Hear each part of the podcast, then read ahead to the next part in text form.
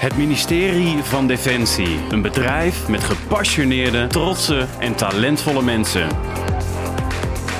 In deze podcast verbinden wij deze mensen zodat ze samen sterker worden. Zoek Samen Sterker podcast en luister of kijk via YouTube, Gpal, iTunes, Spotify of Soundcloud. Zullen we gewoon beginnen? Ja. Nou, welkom. Uh, um, podcast. Uh, we zitten al een tijdje met elkaar te praten. Uh, uh, vandaag bij het Korps Commando Troepen. Ja, welkom. In uh, Roosendaal. Ehm, deze podcast, nogmaals voor de luisteraar, luisteraars, we zijn net begonnen eigenlijk, is erop gericht om uh, voor heel Defensie uh, verhalen op te halen in het kader van adaptieve krijgsmacht. Dus ik ben eigenlijk ook een beetje op onderzoek, hoe adaptief zijn we eigenlijk uh, intern al. Um, als oud-militair leert mijn ervaring dat we al heel veel talent binnen deze organisatie hebben. Um, en eigenlijk uh, trachten we daarom met deze podcast om de rest van het bedrijf um, te inspireren. Uh, wellicht tips en tools mee te geven, aan te haken op initiatieven, et. En vandaag sta ik hier dus met, met ontzettend innovatief op heel veel vlakken. ik ben eigenlijk heel benieuwd wat je allemaal doet binnen het Korps Commandotroepen. Ja, ik zal eerst een stukje over mezelf uh, vertellen. Inmiddels uh, bijna 13 jaar werkzaam hier bij de Korpscommandotroepen. Uh, als burger opgekomen, als spijkerbroek zoals dat binnen Defensie geldt. door de rangen heen geklommen, corporaal geweest, sergeant geweest. En nu als kapitein aan de slag binnen de korps, korpsstaf. Op het gebied van concept development en experimentation eigenlijk sinds drie jaar. Gaaf man. En ja, wat, wat je al zegt, er zit zoveel potentie in onze organisatie. En, en, we zijn heel hard bezig, niet alleen hier, maar ook denk ik buiten, buiten Roosendaal, om die potentie een, een, een boost te geven. Mm -hmm. en of dat met informele of formele circuits, procedures, innovatiedagen is, dat maakt eigenlijk niet uit. Ja. Als we er maar mee aan de slag gaan. En hoe meer we dat in de organisatie omarmen, hoe verder we, denk ik, gaan komen op eigenlijk alle uitdagingen die ons nu al te wachten staan. Ja, en als jij nu kijkt uh, binnen dit bedrijf, uh, adaptieve krijgsmacht, hoe zou jij een uh, adaptieve krijgsmacht, als je naar die term kijkt, um, wat is adaptiviteit binnen de krijgsmacht wat jou betreft? Um, ja, om die vraag te beantwoorden, denk ik dat ik hier moet beginnen. Mm -hmm. Want uh, dit is de postzegel waar ik uh, het meeste kennis van heb. Maar wat ik hier om me heen zie, denk ik wel dat we kunnen extrapoleren naar de rest van de organisatie. Ik zie dat hier mensen werken die met passie en talent hun taken vervullen. Mm -hmm. Dat die geselecteerd zijn uh, voor die talenten die ze hebben.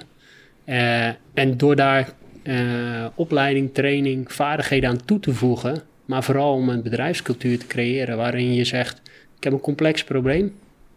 En ik zie dat jij het talent hebt om dat op te lossen. En op het moment dat je dat doet, gaan mensen zo creatief aan de slag. Maar die zijn ook bijna niet te stoppen, omdat het binnen hun passie zit. Mm -hmm. uh, als voorbeeld een, een, een, een merk die er tegenaan loopt op uitzending. Hé, hey, mijn tas is niet goed. Ja. Die komt terug op de base, die gaat, die gaat meubelen aan zijn tas. Die komt terug van uitzending en die zegt tegen de fabrikant of tegen ons kenniscentrum uh, hier in, uh, in Roosendaal: hé hey jongens, kunnen jullie dit vermaken? Want dan maakt het makkelijker en dan kan ik sneller levensreddende handelingen doen. Ja. En hoe korter je dat proces maakt, hoe sneller iemand dat zal aandragen, want hij ziet een snel succes. Um, maar hij ziet ook dat zijn, zijn kennis en zijn ervaring uh, worden gewaardeerd. En dat is uh, op zich al een, een, manier om innovatie aan te jagen. Gewoon dat erkennen en waarderen daarvan. Ja. Ja, als je kijkt, jullie werken natuurlijk over het algemeen in een vrij hoog geweldspectrum. Ja. Um, wat ik je ook zie zeggen, eigenlijk sense of urgency is natuurlijk um, hier um, wellicht uh, nog uh, belangrijker. Want je hebt die tas keihard nodig als medic. Ja. Uh, we hadden het er in het voorgesprek al even over. Van god, is dan geld de drijvende factor? Nou ja, je bent zelf als corporaal binnengekomen. Um, hoe kijk jij daarnaar? Want uh, ja, ik bedoel, we hebben veel meer uh, militairen binnen dit bedrijf. Um, niet overal gaat het even soepel. Hoe komt het dan dat dat hier over het algemeen qua innovatief vermogen wel werkt? Ja, ik denk enerzijds door onze taakstelling. We zijn een tactische eenheid die tot en met strategische effecten kan, kan bereiken. Ehm, en wij maken een onderscheid tussen special reconnaissance, direct action en military assistance. En doordat we dat ook zo vaak doen, en vooral in operationele omstandigheden, waarbij mandaten, maar ook randvoorwaarden veel meer op een laag niveau liggen, zie je dat die lijntjes automatisch korter worden. Op het moment dat je die mensen weer terug in de bedrijfsvoering zet hier, dat stopt niet hun creativiteit en hun, hun passie om daar iets mee te doen. Um, en ja, wij selecteren daar ook op. Mm wij selecteren dat we mensen in een onvoorspelbare omstandigheid brengen en daar moeten ze hun weg uitvinden. Um, en dat kan, kan in een dreigingsniveau zijn. Dus dat we ze in een situatie brengen waar geweld geen optie is. Of misschien de enige optie.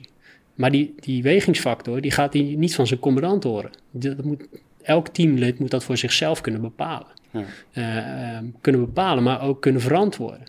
Ehm, eh, de kernwaarden die wij, uh, die wij hier naar voren zetten, moed, beleid, trouw, eer en trots. Ja, dat zo, zo, zoals een mooie weergeven ja. hier op de banner je achter. Ja. Ja, dat, is, dat, dat maakt dat ehm, je daar ook aan getoetst kan worden. Maar dat we ook elkaar daaraan toetsen. Ja. Dus als iets een keer niet goed gaat, dan kan dat ook besproken worden. Um, dus op het moment dat, dat er in een team zeg maar een vrijheid is om fouten te maken elkaar aanspreken op fouten zonder dat je hem afvalt, ja, dan creëer je een sfeer waarbij iemand eerder zijn vinger opsteekt. Yo, ik heb een idee, het is misschien wat gek, ja. maar laten we het toch proberen. Ehm, en een hele snelle, snelle feedback loop. Van ja, jongens, het heeft niet gewerkt. Dat idee parkeren we. Ja. Maar soms is het waardevoller uh, als je niet weet waar je moet gaan aanpassen, waar je moet innoveren, om toch te starten en dan, oké, die hoek gaan we niet op, dat werkt niet. Maar dat is hele waardevolle data om te zeggen, oké, die richting moeten we dus niet op denken, we moeten meer op die richting. En, gaande die processen, op het moment dat je wel de juiste innovatieconcept uh, of technologische ontwikkeling hebt gevonden, is die data van, ja, maar dat moeten we niet inbouwen, want dat heeft niet gewerkt. Ja. En dat is ja, die trial and error, wat vaak in innovatie en uh, C en E terugkomt. Uh, veel proberen en veel leren. Ja. Ja, want uh, terwijl ik je hoor praten, er zijn natuurlijk allerlei vragen die uh, schieten mij te binnen. Uh, ik denk dan, ja, god, hoe kan dat dan voor de rest van de organisatie gelden? Want jullie zijn dus door een best wel pittige opleiding uh, heen gegaan, kun je wel zeggen. Ja. dus altijd maar een klein percentage wat over de streep komt het uiteindelijk en de baret daadwerkelijk behaalt. Um, en al die zaken die jij, waar je aan refereert, de kernwaarden, trouw, moed, beleid, eer en trots... Um, ik hoor je ook zeggen tussen denken over iets en doen. Dus we praten heel veel over dingen, uh, we filosoferen erover, maar daadwerkelijk doen is maar een klein percentage. Dat hebben jullie al een keer uh, bewezen door het halen van de baret. Mm um, maar hoe zie je dat voor de rest van een organisatie? Want het, het heeft nogal wat discipline nodig om jezelf aan bepaalde kernwaarden te houden als mens. Nou, ik denk dat het voornamelijk uh, voor, voor kader, maar eigenlijk iedereen die randvoorwaarden kan scheppen in innovatie. Het is je oor te luisteren leggen op de werkvloer. Die minimi-schutter bij, uh, uit Oorschot, die kan je haarfijn vertellen wat hij mist aan zijn wapen. En dat wil niet zeggen dat je iedereen moet uitrusten met uh, de nieuwste gadgets, maar je moet daar pinpointen, oké, wat kan ik binnen de randvoorwaarden die ik kan scheppen, vaak budget en de tijdspad. Oké, hij, uh, hij loopt continu met dat ding, die grip is niet fijn, bijvoorbeeld uit Afghanistan terug. We moeten een andere grip aankopen. Ja. Ja, en als je dat proces zo snel mogelijk kan doen, dan heeft diegene die dat meldt of die dat aangeeft, um, snel zijn succesbeleving. En die heeft dus dan ook uh, vertrouwen in het systeem. hey, als het nu niet over een minimi gaat, maar het gaat over een uh, instructiekaart wat niet klopt, om dat aan te geven. Ja. Um, dus op die manier denk ik dat we binnen, binnen ons hele defensieapparaat, en dat gebeurt gelukkig al op steeds meer uh, plekken, um, dat mensen hun oor te luisteren leggen echt niet de, de, kritische vragen durft te stellen. Dus hè, het verschil te maken tussen klagen ja. en, en daadwerkelijk, hey, ik kan mijn werk niet uitvoeren. Um, en daarop doorpakken. Ja. Um, kijk, en, en, ja, wat ik hier om me heen zie, is, is, is mensen zijn super kritisch naar zichzelf, naar elkaar. Um, en daardoor ja, krijg je een soort competitie op het gebied van hey, hoe kunnen we die ontwikkeling blijven ondersteunen. Ja. Um, uh, gekscherend voor mij ook uh, in de voorbespreking was, ik noem dat af en toe de, de, zegen en de vloek van de groene beret. Oh ja, ja, ja. De zegen is, ik werk hier met mensen om me heen die ik aan een bepaald standaard kan houden. Maar hun houden mij ook aan dat standaard. Um, en, en, en daardoor weet ik, oké, er, is, er is een bepaalde bedrijfscultuur, een bepaald niveau, dat kan ik gewoon verwachten. En als ik dat niet verwacht, dan kan ik daar heel hard en heel resoluut in zijn. Ja. En die vloek is, als ik bijvoorbeeld uh, externe en uh, een tijd toen uh, als corporaal nog voorbereiding voor uitzending in Afghanistan, panzervouwscursus ga doen. En de instructeurs zeggen, ja, maar jullie hebben hem al vijf maanden. Ik zeg, ja, maar ik kom het hier om te leren, dus vertel mij alsjeblieft alles wat je weet, zodat ik zo goed mogelijk voorbereid ben op mijn uitzending. Ja. maar jullie hebben daar al mee geschoten. Ja, weet je, dan er wordt er opgekeken, terwijl ehm, ik in die vier, vijf dagen wil ik zoveel mogelijk leren. Tuurlijk. Om zo goed mogelijk uh, te voeden. En andersom, uh, ja, dat, dat, dat is dus een beetje het, het, het moeilijke van uh, als andere mensen je op een plateau zetten. Ja. Ehm, en dat proberen we dus ook hier. we proberen niet, we zijn niet verheven. Nee. We zijn net zo vlees en bloed als die infanterist bij, in Oorschot. Ja. Wat het speciaal maakt, is de manier waarop we hier samenwerken. De manier waar we gereed voor staan. Ehm, is dat dan kwetsbaarheid waar je het over hebt? Ja. Want het vergt nogal wat om te zeggen van... Ehm, ik wil nog wel een keertje... Uh, dat zeggen niet heel veel mensen. Ja, ik denk dat je wel een kwetsbaarheid kan zoeken. Maar ik, die kwetsbaarheid zou ik dan omdraaien in kracht. Want als je elkaar door en door kent, ken je elkaar sterkte en zwaktes. En dan is het dus ook niet erg als één iemand zegt van... hé, hey, ik ben echt niet goed in logistieke planning. Prima, dan pakt dan iemand anders in het team op die daar wel goed in is. En op die manier vul je elkaar aan. Uh, en dat wil niet zeggen dat, je, dat, dat diegene niet een bepaalde basisplanningsvaardigheden moet hebben. Mm dat, is, dat is die norm waar, die we stellen. Door selectie, opleiding en uh, vervolgens ook training. Um, maar ja, dat is wel iets wat continu terugkomt. Ja. En dat maakt het... Ja, gezien zeg maar, de omgevingsfactoren die natuurlijk steeds wisselender worden. Uh, uh, we hebben met diver, diverse dreigingen te maken. Uh, dat we heel adaptief moeten zijn. Ja. En eh, ja, wij merken dat heel veel doordat we op uitzending in die situatie worden gebracht. En dan proberen we ook terug te laten komen in trainingen. Ja. Als jij honderd verschillende situaties hebt gehad in een kamer, hoe je bijvoorbeeld een gijzeling moet beëindigen, dat, is allemaal, dat gaat allemaal in het terugzakje. En niet dat je dan een drill kan laten zien, maar dat je die afweging van, hey, is dit veilig? Moet ik nu ingrijpen of kan ik nog wachten? Zodat je die, die, die afwegingsfactoren veel beter kan inschatten. Je wordt veel sensitiever op die uh, van...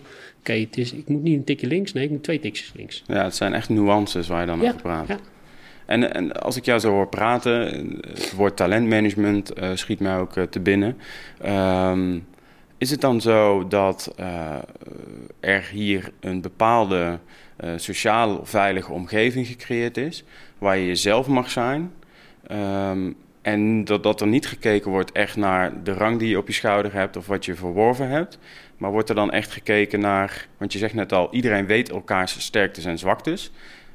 Daar zeg je ook mee, je mag dus zwak zijn uh, in wezen uh, op, op een aantal vlakken, zodat iemand anders dat kan invullen voor jou. Ja, en deze is zwak misschien niet juist. Maar ik denk die kwetsbaar, hoe je het net uh, verwoordde, dat dat precies het juiste woord is. Ja. Um, kijk, vroeger uh, vanaf de industriële revolutie was een manager die wist alle processen haar fijn en kon ze zelf ook uitleggen. Ja. We zijn nu in een situatie, is dat een teamleider, die weet niet alle ins en outs van een merk. En dat is ook prima, want hij delegeert het medische verantwoordelijkheid naar hem. Hij is nog steeds eindverantwoordelijk.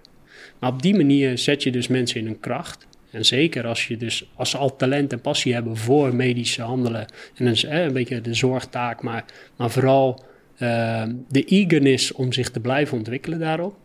Uh, dan zet je mensen in hun kracht. En dan, daar maak je een team van. Um, en, en wat, je, wat je natuurlijk ziet is dat we zo'n plat mogelijke organisatie proberen te zijn. Ja, ja, um, ja. En, en dat uh, push the power down uh, ook zo'n term wat vaak uh, daar uh, terugkomt. Maar daarmee creëer je dus handelingsvrijheid voor die mensen om te zeggen: hey, ja, die tas, daar hoeft die teamleider hoeft daar niet op aan te sturen. Nee, Die, die, dat gebeurt al. Die, die kerel die stapt zelf binnen bij, bij, bij degene die verantwoordelijk is voor de verwerking van die spullen, voor de ontwikkeling daarvoor. En um, ja, soms zie je dat daar sturing dan lastig is. Hè? Maar dat is meer communicatie. Moeten, uh, vooral die communicatie is heel erg belangrijk hier. Ja. Uh, dus ja, we proberen zo, zo, sociaal veilig als mogelijk te zijn. En, en, natuurlijk zijn er ook voorbeelden dat het niet lukt. Hè, dat we wel hard uh, op de man spelen in plaats van hard op de feiten. Ja. Of dat we stappen overslaan vanwege werkdruk. nou, al dat soort gerelateerde zaken. Um, maar dat proberen we wel. En hoe zit dat generatie-wise? Want de zaken waar wij nu over praten, dezelfde generatie.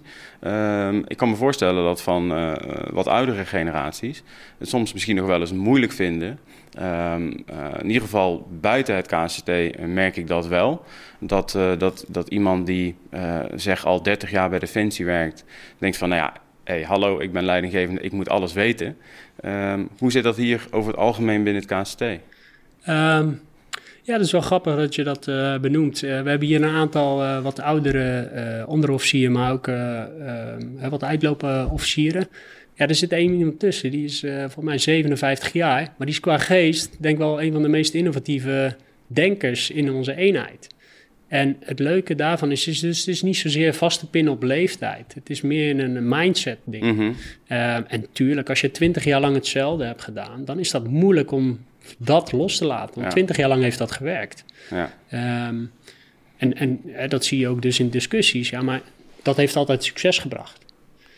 En gelukkig, wat ik, wat ik wel steeds meer zie, is dat we bekijken welk proces heeft dat succes gebracht. Ja. En dan kan je nog steeds die elementen pakken uit uh, hoe je tot dat succes bent gekomen. Ja. Alleen je tweakt het naar de omgeving of naar de factoren en actoren waar je mee te maken hebt.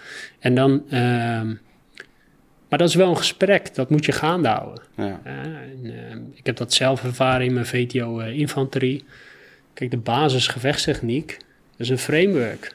Dat, is goed om aan te leren. Ja, ja. Alleen, je moet daar altijd bij benoemen. Pak dat framework, leg het op de situatie en pas het framework aan. Want elke situatie is anders. De ene keer heb je twee groepen, uh, groeperingen die tegen elkaar strijden, de andere keer vier. Alleen dat al vereist dat je jouw manier van optreden uh, aanpast. Dan nemen we nog niet weg de communicatiesnelheid tussen die groeperingen. Waarbij het eerst met Icon was, is het nu WhatsApp en live face, uh, face, FaceTime. Ja, ja. Um, dus de, de omgevingsfactoren die wisselen sneller dan dat dat framework zich laat aanpassen. Ja. Maar dat is die mindset. Mindset. Ja. Als je kijkt naar, uh, naar, naar jouw eigen loopbaan, hoeven we niet helemaal op in te zoomen, maar wat was het moment dat, dat jij dacht: ik wil iets met innovatie doen? Wat was jouw, ja, eh, ik heb hier opgeschreven, uh, um, pijn, uitdaging, moment dat je dacht: ik wil mezelf hier tegenaan gaan bemoeien en ik wil, uh, ik wil reuring in de tent. Ik wil hiermee aan de slag. ik wil mensen inspireren. Hoe heb jij dat gedaan? Ja, ja kijk, het is nooit mijn opzet om reuring te brengen. Dat is, uh, dat is, soms is dat noodzakelijk om mensen wakker te schudden en, en, en hè, de, de vinger op de zere plek te leggen. Uh, ik denk dat dat mijn tijd als, als, als uh, corporaal is geweest, waarbij ik als communicatiespecialist in de team zat. Waar ik er tegenaan liep, is dat we bepaalde technologische ontwikkelingen niet, nog niet volledig gebruikten in ons optreden. Um, nou, dat heb ik geadresseerd. Maar ik werkte op een gegeven moment dat uh, rang, maar ook de plaats in de organisatie tegen mij werkte. Hm. Als sergeant, dan wel misschien als officier, als ik datzelfde geluid uit, uh, kan ik meer bewerkstelligen. Um, plus ehm, mensen in mijn uh, omgeving, die zeiden van ja, ik kan wel het alleen zeggen, ga het eens doen dan. Ja. En dat was wel een beetje een wake-up call van ja, weet je, het is makkelijk adresseren, maar pak het nou eens op, dat project. Ja. Um, het heeft geleid dat ik uh, een, een, innovatiepitch op de ID uh, heb gehouden in 2016. Uh, eh, dat ging over kennismanagement. Mm -hmm. Want ik merkte is van, hey, we hebben in de organisatie superveel potentie zitten. We hebben mensen die ervaren een probleem. Mm -hmm. Die hebben misschien niet in hun mogelijkheden, dan wel in hun vaardigheden en kennis de oplossing. Maar die zit wel in de organisatie. Die moeten we aan elkaar verbinden. Um, dat is wel een platform wat, wat dat mogelijk zou maken. Ehm, natuurlijk, toen was de ICT uh, nog niet zo uh, ver als het nu is, waarbij we dus elke medewerker een, mobiele telefoon hebben, dat hij überhaupt zijn data en zijn probleem kan invoeren. Nou, ja. we, we, maken daar stappen in. Um, daarna merkte ik dat ik, uh, dat ik een behoorlijk uitgesproken mening had. Um, maar er steeds ook meer initiatieven waren. Bijvoorbeeld een innovatiecoach. Nou, ik heb me bij aangesloten. Waarom? Ja, het platform wordt geboden. Het is natuurlijk zonde als ik daarnaast nog ook mijn innovatie probeer, probeer aan te kaarten. Ehm, dus daarin zie ik dat... Het, dus je wist ook heel veel niet? Zeg je daar ook mee? Nee, maar ik kende ook niet iedereen in de organisatie. Soms kende ik het verhaal achter het probleem waarom het niet opgelost werd. Ja, niet. Um, en andersom, de mensen die in dat proces zaten, ja, die, die waren helemaal niet op de hoogte van die problemen die wij operationeel of in, in trainingen uh, tegenkwamen. Waar, waar, waar, ligt dat stukje trouwens aan? Want ik herken heel goed wat je zegt. Het is uit landmachter dat we dan uh, een commandant hadden die van het KCD vandaan kwam. Mhm. En die leerde ons allemaal super fijne kneepjes. Ik zat bij de infanterie. En ik denk, jeetje, als ik dit maar eerder geweten. Weet je wel, waar komt dat vandaan dat dat zo versnipperd is, denk je? Kijk, eh, de organisatie heeft, uh, heeft zich heel lang natuurlijk gefocust op massa. En de massa is uh, snel aanleren. En, en dat voldeed, zeg maar, in, in, in het dreigingsscenario waarbij de factoren niet zo snel wijzigen. Als jouw opponent gewoon ook een, nou, ik neem maar als voorbeeld, een infanteriebataljon was. Ja. Ja, als jij zijn tactieken wist, dan kon je jouw tactiek wel aanpassen. En dat leerde je aan iedereen. En dat bleef nou, ruwweg stabiel voor een aantal jaar. Ja. Ehm, nu, één, de, de opponent is diffuser. We hebben er vaak niet meer te maken met een bataljon waar we tegen staan. het is een, mengelmoes van uh, insurgents, uh, rebellen, uh, gesteunde statelijke actoren of misschien wel een bataljon. waarbij vaak de opponent die, die, die, die feedback loop heel kort houdt, maar ook de mogelijkheid om kansen te grijpen veel sneller doet. en wij zitten nu denk ik als krijgsmacht in die fase om dat omslagpunt te maken. Je ziet onwijs veel uh, geëxperimenteerd. De, met robotica zien we allerlei ontwikkelingen in, in Oorschot bij de 13e brigade. We zien uh, het informatisch gestuurd optreden als concept komt terug. Dus we zijn op allerlei vlakken bezig.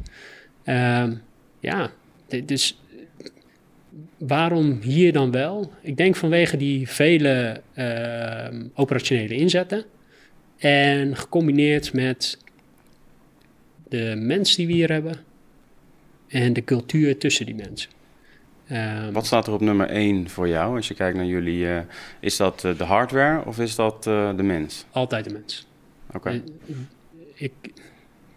Als wij een complex probleem hebben en we hebben niet de juiste uitrustingstuk, dat is nadelig. Ja. Hebben we niet de juiste mens, kunnen we de opdracht niet uitvoeren. Nee. Um, en we zijn altijd op zoek naar hoogtechnologisch voor, uh, verschil met de opponent. Dus dat wij tip of the spear zijn, dat we een voordeel hebben in onze technologische ontwikkeling. Want dat geeft je namelijk meer vrijheid uh, om in een hoog geweldspectrum op andere zaken uh, te zorgen dat je ook in je voordeel bent. Als jij nachtzicht hebt en de opponent niet, ja, dan mhm. kan je s'nachts operatie uitvoeren. Heeft de opponent ook nachtzicht, ja, dan uh, gelijkwaardig moet je je, je je, je procedures op aanpassen, je tactisch plan. Ja, dan komt die mens weer centraal. Als hij dus zo snel kan schakelen van ah, we gaan niet bij nacht of we gaan bij dag. Het maakt niet uit. Gooi het probleem naar binnen, hij komt met een oplossing. Ja, dat wil je. Dus die, uh, uh, de soft truth noemen dat. De mens is altijd belangrijker dan de hardware. Ja. Je kan niet uh, soft operators na een noodgeval massa produceren. Waarom? Je hebt die ervaringsopbouw, die selectie. Dat, daar moeten we in investeren. Ja. Um, en dat, ja, dat gebeurt gelukkig. En hoe zie je dat voor de rest van de krijgsmacht? Want uh, inderdaad, uh, als jij hier in een complexe situatie zit op een, in een uitzendgebied, uh, dan begrijp ik dat heel goed. -hmm. als ik zelf kijk naar, en, en, wellicht ook een vooroordeel van mijzelf hoor. Dus neem hem weg of misschien niet. Maar als ik kijk, er wordt heel veel samengewerkt met, met de maatschappij, steeds meer. Dat is natuurlijk voor het draagvlak hartstikke goed. Maar ik twijfel er zelf persoonlijk wel eens aan of dat goed is um, voor de draagvlak binnen onze militairen, die het werk al heel lang doen. Ehm, eh, bij jullie is het dus echt noodzaak dat de mens centraal staat. Maar is dat in een tijd waar cyber en dergelijke uh, heel belangrijk worden voor de rest van de organisatie? Uh, zijn jullie een goede best practice voor de rest van de organisatie? Ja, ik denk dat we, dat, dat we veel, veel van onze lessons learned, lessons identify kunnen, kunnen overdragen aan de landmacht. Het blijft natuurlijk een andere taakstelling. Dus je zal daar kritisch naar moeten kijken van, hey, welke aspecten kunnen we nou overnemen zonder dat we de kern van die eenheid weghalen? Mhm. Ehm, en en je, je kan bijvoorbeeld zeggen, oké, we nemen tien cyberspecialisten mee bij een uh, bataljon. Ja, en dan? Als je niet volledig geïntegreerd bent, als je niet in de planning wordt meegenomen, ja, dan, zoals gekscherend wel eens gezegd wordt, dan hebben we de taart gebakken, nou, dan sprinkelen we nog een beetje cyber erop. Nee, zo, werkt het niet. Je moet dat in de core van, van je taakstelling, moet je dat al wegnemen. Eén, voor de bewustzijn, twee, voor de integratie en drie, uiteindelijk voor de effect die je wil bereiken. Ja. Dus um, ja, ik denk, ik zou willen dat, dat de grotere organisatie om ons heen het centrale mee, zet die mensen centraal. Ja. Dan ga je automatisch, word je innovatiever, word je adaptiever en flexibeler. Ja. Um, creëer je daar nog eens randvoorwaarden omheen die dat uh, ondersteunen, ja, dan, dan, dan ben je al twee stappen verder. Um, ja. Wat, wat, wat zou voor jou, um, om dit te bereiken, hè? de mens centraal, je hoort de kreet heel vaak. Uh, je wordt er lang, zo langzamerhand ook een beetje gek van. Ik wel, want het wordt heel veel geroepen. Uh, maar daadwerkelijk doen, daar zijn we weer. Uh, dat is soms ver te zoeken. Hoe gaan we die mensen centraal krijgen? zit dat hem in leiderschap? Zit dat hem, welke punten komen bij jou nu gelijk te boven? Ja, kijk, het in mijn ogen begint het klein altijd. Want we praten dan over bedrijfscultuur. Als wij samen nu vanaf morgen besluiten, de mensen die wij om ons heen hebben, misschien wel onder ons in, in teamverband, dat we die centraal zetten, dan zijn we al een stap aan het maken. En hoe, weer, hoe meer we dat uh, in de organisatie als, als standaard nemen, ja, dan duurt het misschien een paar jaar, maar dan gaat die bedrijfscultuur om. En dan daardoor ook de processen. Ja. En natuurlijk zijn er quick wins waarbij je zegt: oké, okay, we geven een commandant van een eenheid meer mogelijkheden op uh, human resource management. We geven een commandant meer mogelijkheden op uh, finance en control. Tuurlijk, dat zijn ook zaken waar je stappen in moet maken. Maar het begint echt uh, in mijn ogen bij, bij onszelf. en daarna wordt dat meegenomen in, in de cultuur die wij ervaren binnen eenheden, binnen mm-hmm. organisaties, binnen staven. en daardoor binnen de hele organisatie ja, ja. Ik, zit, uh, ik, ik zat net te denken, ik denk even uh, een kritische vraag en een wat minder kritische vraag als we het over adaptiviteit hebben. Adaptieve krijgsmacht. We praten er al een paar jaar over. Uh, in mijn optiek zijn we heel intern heel erg adaptief. Ik heb echt uh, collega's om mij heen gezien die de meest innovatieve dingen bedacht hebben. Uh, wat doen we volgens jou heel erg goed? En dan daarna even heel kritisch. Wat doen we absoluut nog niet goed? Um, we kunnen knippen nog. nou ja, kijk, weet je, we moeten kritisch kunnen zijn naar elkaar, weet je. En dat, dat begint natuurlijk naar kritisch zijn naar jezelf. Dus uh, wat doen we heel erg goed, is dat we steeds beter mensen aan elkaar kunnen verbinden. Dus degene met het probleem en eventueel de oplossing, die kunnen we tegenwoordig aan elkaar verbinden. Um, formeel en informeel. Uh, ik zie dat uh, Deugdzaam Verweer is een organisatie die is informeel ontstaan.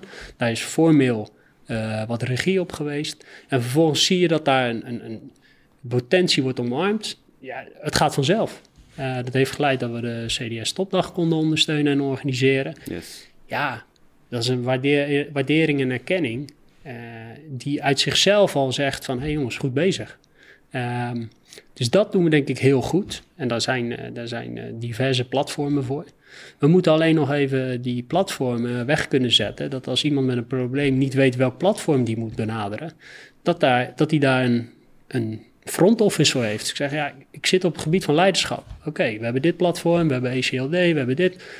En je, je, je wordt zeg maar een soort linkman tussen ja. die organisatie en degene met het probleem. Ja. Um, en dat, dat is in mijn ogen ook de adaptieve krijgsmacht. Dat ondersteunen, dat proces. Ja. Dus niet alleen verbinden, maar vervolgens ook even polsen. Jongens, gaat het nou goed? Is het gewenste eruit gekomen? Um, ja, waar we, waar we, wat we nog niet goed doen, uh, in mijn optiek, is um, vaak is innovatie wordt gezien als een eendagsvlieg. Hartstikke ja. mooi technologisch en dan hebben we dat. Nou jongens, we zijn nu innovatief en adaptief. Nee, ja. het is een ongoing proces. Het, het stopt nooit. Um, en dat, dat wil niet zeggen dat je jouw technologische ding steeds moet updaten. Je moet dat proces steeds doorlopen. Ja. past mijn oplossing nog steeds op de omgeving waar ik het ga toepassen. En dat kan anders zijn in Afghanistan ten opzichte van uh, Litouwen. Ten, nou, dat, daar zit verschil tussen. Ja. Um, dus hoe vaker je dat proces doorgaat, ook hoe makkelijker het gevoelsmatig wordt, maar ook voor de organisatie. Hé hey, jongens, we gaan nog eens een keer kritisch kijken. Doen we wel het juiste? Doen we wel, treden we wel op de juiste manier op? Hebben we de juiste middelen? Um, en hoe vaker we die vragen aan onszelf stellen, en daar zit dan ook gelijk de oproep tot actie in. Als je dat onderkent, niet alleen benoemen, pak dat probleem onder je armen en ga ermee de boer op. Ga op zoek naar diegene die de oplossing kan brengen. Ja. Word, word probleemeigenaar, zoals we dat vaak, uh, vaak noemen. Um, ja. Dan is, dan is veilig voelen in een organisatie is wel heel erg belangrijk. Ja, het is essentieel. Als jij niet je vinger durft op te steken en zegt... Uh, baas, ik denk dat je een verkeerd uh, plan hebt. Of ik denk dat we hier een kans missen. Ja, dan... Kijk, als de organisatie niet weet dat het probleem er is kan je het ook niet aanpakken. Nee. Dus daar, ja, daar zit die wederzijdse verplichting. Eén, luisteren, hè, de oren uh, te luisteren leggen op de werkvloer. En anderzijds ook door, durven op te staan uh, vanaf de werkvloer en te zeggen: hey, ik loop hier tegenaan. Ja. Ehm. je begint graag, graag heel klein en terecht, dat maakt het makkelijk. je bent iemand, wat je zelf al zei, met een uitgesproken mening. Uh, hartstikke goed. Maar hoe raad jij dan de soldaat, corporaal, sergeant, uh, uh, beginnend officier aan... die het nog wel eens spannend vindt om in een nog steeds wel hiërarchische organisatie... wat op heel veel vlakken ook mhm. goed is, hè, in, in bepaalde vormen van, van optreden. wat raad je hen aan vanuit jouzelf als zij denken van... Ik, ik, ik, ik, zit hier niet op een plek, ik voel me misschien niet helemaal veilig, niet helemaal thuis hier. Wat raad je hen aan om aan zelfreflectie te doen? Ja, kijk hoe je het uh, bespreekbaar maakt. Kijk, als jij heel lang wacht met iets waar je heel lang mee zit, uh, dat kenbaar te maken, dan kan dat voor de ontvanger misschien zijn: oh, dit is de eerste keer dat ik ervan hoor. Terwijl jij er misschien al anderhalf jaar mee rondloopt. En dat kan op het gebied van, van, van uitrusting zijn. Hè? Anderhalf jaar lang, ik heb, ja, ik, heb, ik heb niet mijn grip voor mijn minimum. Ik loop er anderhalf jaar tegenaan. Ja. ja, dan ga je bijna een soort uh, psychologisch proces. Ja, ik word niet gehoord. Ja, je hebt het nog nooit geuit. Andersom, vanuit kader, zorg dus dat, uh, dat je dat inbakt. Dat je dat in, jouw in jouw battle rhythm of in jouw planningsproces, dat je ook een moment hebt waarbij je zegt: hé hey jongens, vorige keer hebben we ook een sociale patrouille gedaan. Wat hadden we toen niet? Ja. En, en hoe eerder je dat van tevoren doet, waarbij je dus meer voorbereidingstijd hebt, uh, om dat kenbaar te maken en mogelijk een oplossing te bieden daarvoor. Ja. Um, dus ja, we komen weer terug op uh, bedrijfscultuur en communicatie. Daar, ja. daar speelt het gewoon. Um, en, je merkt ook vaak dat er een soort drempel is. Hè, van, uh, uh, het mooie is, op de KMA wordt natuurlijk geleerd, ja, je deur staat altijd open. Ja, dat klopt. Maar door het rangverschil is die drempel is er gewoon. Ja. Maak dus kenbaar dat als iemand die drempel heeft genomen, dat je dat erkent en waardeert. En dat kan met een heel klein, klein iets zijn hè, van uh, informatieuitwisseling. En dan komt de corporaal komt bij de kapitein binnen en die zegt, joh, binnen de compie merk ik dit. Ja. Luister daarnaar. Maar maak het ook kenbaar dat je dat waardeert dat iemand er binnen stapt. Want dat heeft vervolgens een, een gevolg dat misschien andere corporaties die al een jaar lang met een idee zitten, ook die stap durven te wagen. Ja.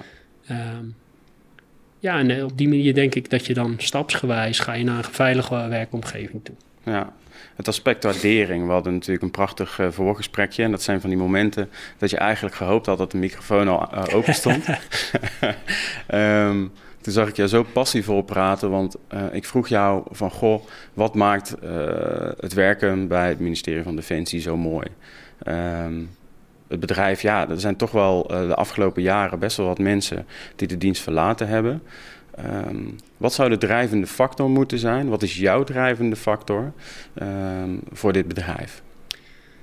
Um, het zit me enerzijds een, dat ik me kan, kan vinden in de kernwaarden. En zeker binnen deze eenheid. Ik zie dat daar een match is tussen hoe ik als persoon ben en, en wat de eenheid uh, voorop stelt als kernwaarde. En vervolgens ook de uitdaging die daarbij hoort.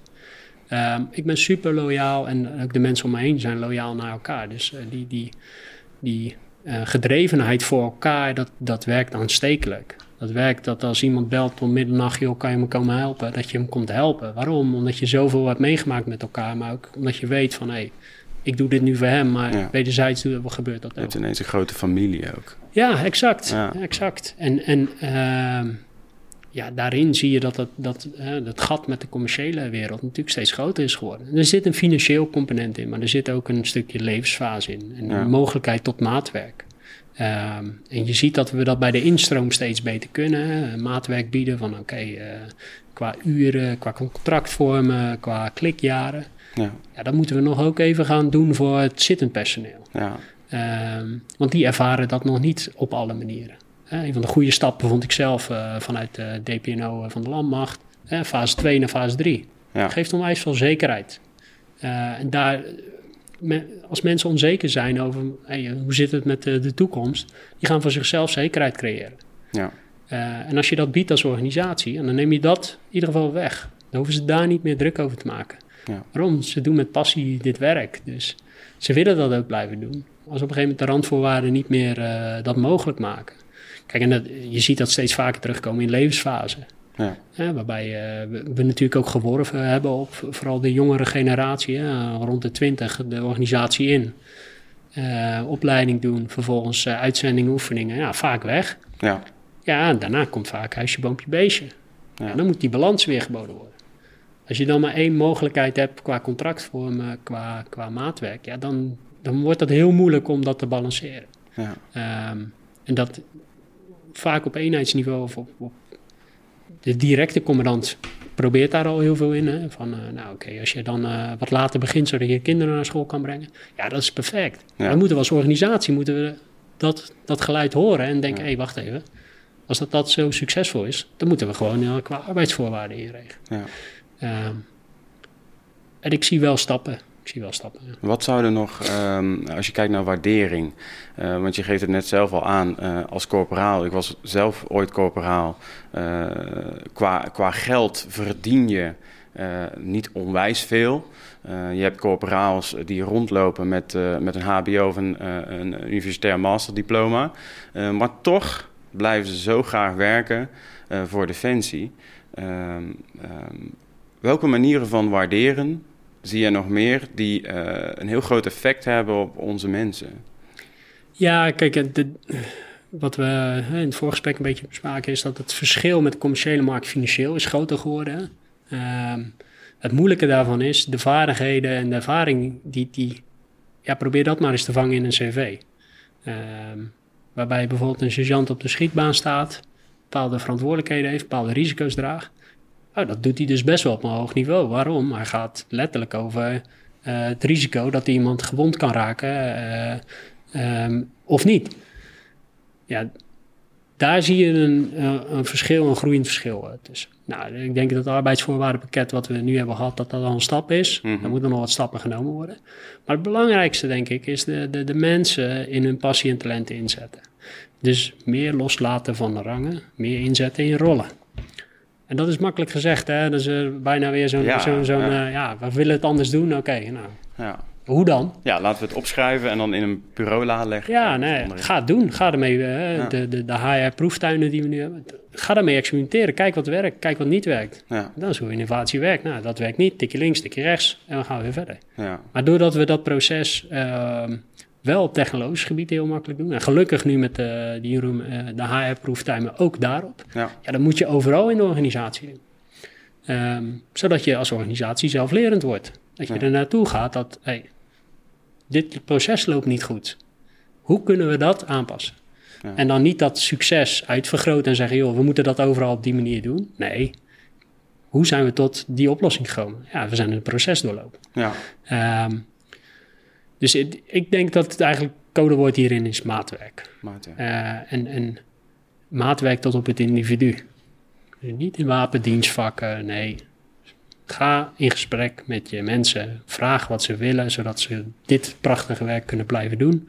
Uh, en daardoor dus langer bij het bedrijf zitten. Ja, um, ja en, en uh, specifiek hier zie ik... We hebben echt te maken gehad met een leegloop. Um, dat heeft met levensfase te maken, heeft een stukje financieel te maken, hè, concurrentie om ons heen. Um, ja, dan moeten we wat stappen gaan maken voordat de werkdruk onevenredig hoog wordt bij het zittend personeel. Ja. Um, er zijn gelukkig nu initiatieven die daar, uh, die daarop op bestuderen, maar ook tot actieplannen gaan leiden. Ja. En ik hoop dat dat het tij gaat keren. Ja beetje samenvattend, hè, want wat ik je wel hoor zeggen, ik ben heel erg fan zelf van een model van Goudsmet. Die heeft de vier assen van het menselijk potentieel. Um, dat gaat over het, het, uh, het SQ, sense coefficient. Dus hij zegt zingeving. Mm -hmm. Ik hoor jou een stuk zingeving uh, zeggen in jouw verhaal, dat dat heel belangrijk is. Er zit ook een stukje zekerheid in, want het is fijn als je natuurlijk ook een gezin hebt. Dat je uh, weet van, goh, ik heb nu een fase 3 contract um, en ik zit gewoon een tijdje goed. Ja. Dat kan ook een belangrijke factor zijn natuurlijk. Daarnaast het emotioneel coëfficiënt, dus ik, ik en de ander en mijn team. Ik hoor je zeggen van ja, op een gegeven moment weet je gewoon dat je op de mensen kan vertrouwen om je heen. Uh, midden in de nacht kun je ze bellen en dan staan ze voor je klaar. dat is het emotionele coëfficiënt. Dus die balans tussen SQ en EQ. Het fysieke coëfficiënt, nou, daar hoef je hier binnen uh, Korps Commandotroepen niet over te praten. Maar dat is ook zeker heel belangrijk. Ik denk dat jullie daar heel veel aandacht aan moeten besteden. En dan heb je IQ, eh, het intellectuele coëfficiënt, die heel veel mensen gewoon kennen natuurlijk. Um, hoor ik je ook over um, opleidingsmogelijkheden. Daar zijn we nog niet heel uitgebreid op ingegaan. Maar dat daar een goede balans tussen is, dan ben je bezig met talentmanagement en mensen inzetten in hun rollen. Dus ik vind het wel heel mooi dat je, um, zonder dat je überhaupt aan dat model gerefereerd hebt, uh, iets wat mijn stokpaardje is tijdens trainingen, dat je daar eigenlijk doorheen loopt. Um, wat ik me dan nog wel afvraag, en is ook wel misschien uh, uh, langzaam naar het einde kabbelend, Nick, is dat uh, opleidingsmogelijkheden, het IQ, um, ehm, in jezelf investeren als militair zijn. Want in jullie geval houdt het een keer op, op wat jongere leeftijd. ik hoorde net een uitzondering van iemand die 56, 57. maar hier houdt het eerder op dan bij de rest van het bedrijf. Ja, kijk, dat is een beetje die risicoafweging. Hè? En uh, gelukkig uh, zie je de mens zelf hier dat al doen. Hè? De, de, de, werknemer of teamlid zie je op een gegeven moment zelf zeggen... oké okay, jongens, ik kan niet meer bijbenen, ik ga de staf in. Mm -hmm. dat, wil totaal niks zeggen over de waarde van hem als staffunctionaris. Want die ervaringsopbouw heb je nodig gehad om perfect te kunnen ondersteunen in de staf. Uh, maar ook, ook de vele uitzendingen om te kunnen peilen, hey, jongens... Niet te zeggen, hey, zo heb ik het gedaan in Afghanistan, zo moet je het in Mali doen. Zeggen, hey, dit heb ik geleerd uit Afghanistan. Neem dat mee en, en, en pas dat op die context toe. En, en haal daar je voordeel uit. Um, en um, wat, je, wat je net aangaf, hè, de, de, de zingeving. Ja, ik denk dat je daar bijna bij geen militair over hoeft te twijfelen. Weet je, die heeft die keuze gemaakt en die weet dat hij op een gegeven moment onderdeel is van die zwaardmacht, dat hij geweld mag toepassen, maar dat hij ook in situaties gebracht kan worden uh, waarbij dat eventueel noodzakelijk is. Um, kijk, en qua, qua IQ, ja, daar merk je dat we als organisatie nog lastig uh, moeite mee hebben. Een corporaal met een HBO-opleiding, ja, dat is een vreemde eend in de bijt. Ja. Hey, dat moet je omarmen als organisatie. Ja. Dan moet je, hey, als hij die corporaal uh, minimi- of machtschutter wil zijn, tijdelijk, hey, moet je vooral doen. En als hij op een gegeven moment aangeeft, hey, ik wil uh, uitgedaagd worden. En hij heeft ook nog een, uh, een, een, een, competentie, uh, of eerder voor competenties, of dat nou in opleiding is of werkervaring. Ja, pak die vent op en zeg, hey, ik zet jij nou, want je hebt internationale betrekkingen gestudeerd. Ik zet je nu bij de stafklas weg. Ja. Benut die potentie die er is. En geef die kerel of die dame gelijk kapiteinstrepen. Denk je dat dat mogelijk is? Of zijn ja, daar kijk, nog niet? dat is het moeilijke met het rangensysteem, hè, want dan maakt het eh, heel ondoorzichtig. Ja, als wij allebei kapiteinstrepen hebben. Ja, jij bent misschien als, uh, als, uh, als specialist binnengekomen. En ik ben misschien door de rang heen gegaan. Ja. ja. ja. Maakt, maakt dat uit? Nou ja, jeen. Um, ja, ja, ik snap het. Weet je wel, ja. de, de, de, rang zegt ook iets. Maar dat is vooral een verwachting, hè? Ja. Van ja, kapitein, oh ja, die zit hier minimaal zo lang in de organisatie. Zal deze ervaring, uh, zal PC zijn geweest, uh, ja. zoals CC. De andere kant is, nu doen we het niet dat we die corporaal in die positie brengen. Ja. Terwijl we wel die, uh, die potentie heeft. Plus, we hebben die mensen ook kei en keihard nodig. Want hij heeft militaire ervaring, vaak op tactisch niveau, hè, als we dan ook corporaal uh, spreken. Mm -hmm. Ja, er is toch niks mooiers als je dat kan borgen in je organisatie. Ja, ja. Um, dus we moeten naar maatwerk. En, ik, en, en um, ja, ik, ik, kom niet uit de PNO-wereld. Mm -hmm. um, en, en daar mee is het wel een oproep om binnen de PNO weer naar, naar te kunnen kijken. Ja. Om, om te kunnen zeggen van, ja, hey jongens, we hebben geen traject voor die corporaals met een HBO-opleiding. Oké. Dus ga het gesprek aan. Wat willen hun? Wat, willen we, wat wil de organisatie? En waar kunnen we jou het beste, beste neerzetten? Ja, ja. Ik wil langzaam naar het einde toe gaan. Uh, voordat ik uh, nog even samenvat waar we het over gehad hebben. Vul me dan nog even aan. Um, ik ben altijd wel benieuwd als, als ik met iemand spreek. Um, ik vind het leuk om het ook uh, een beetje persoonlijk te maken. Um, en we gaan niet op details in natuurlijk mm. bij jou in dit geval. maar stel over 80 jaar, jij zit op, op je porch, lekker drankje in je hand. En jij kijkt terug naar jouw leven. Waar ben je dan het meeste trots op? Zo, ja. dat is wel even een flinke vraag die je stelt. Zeker. Waar ben ik het meest trots op?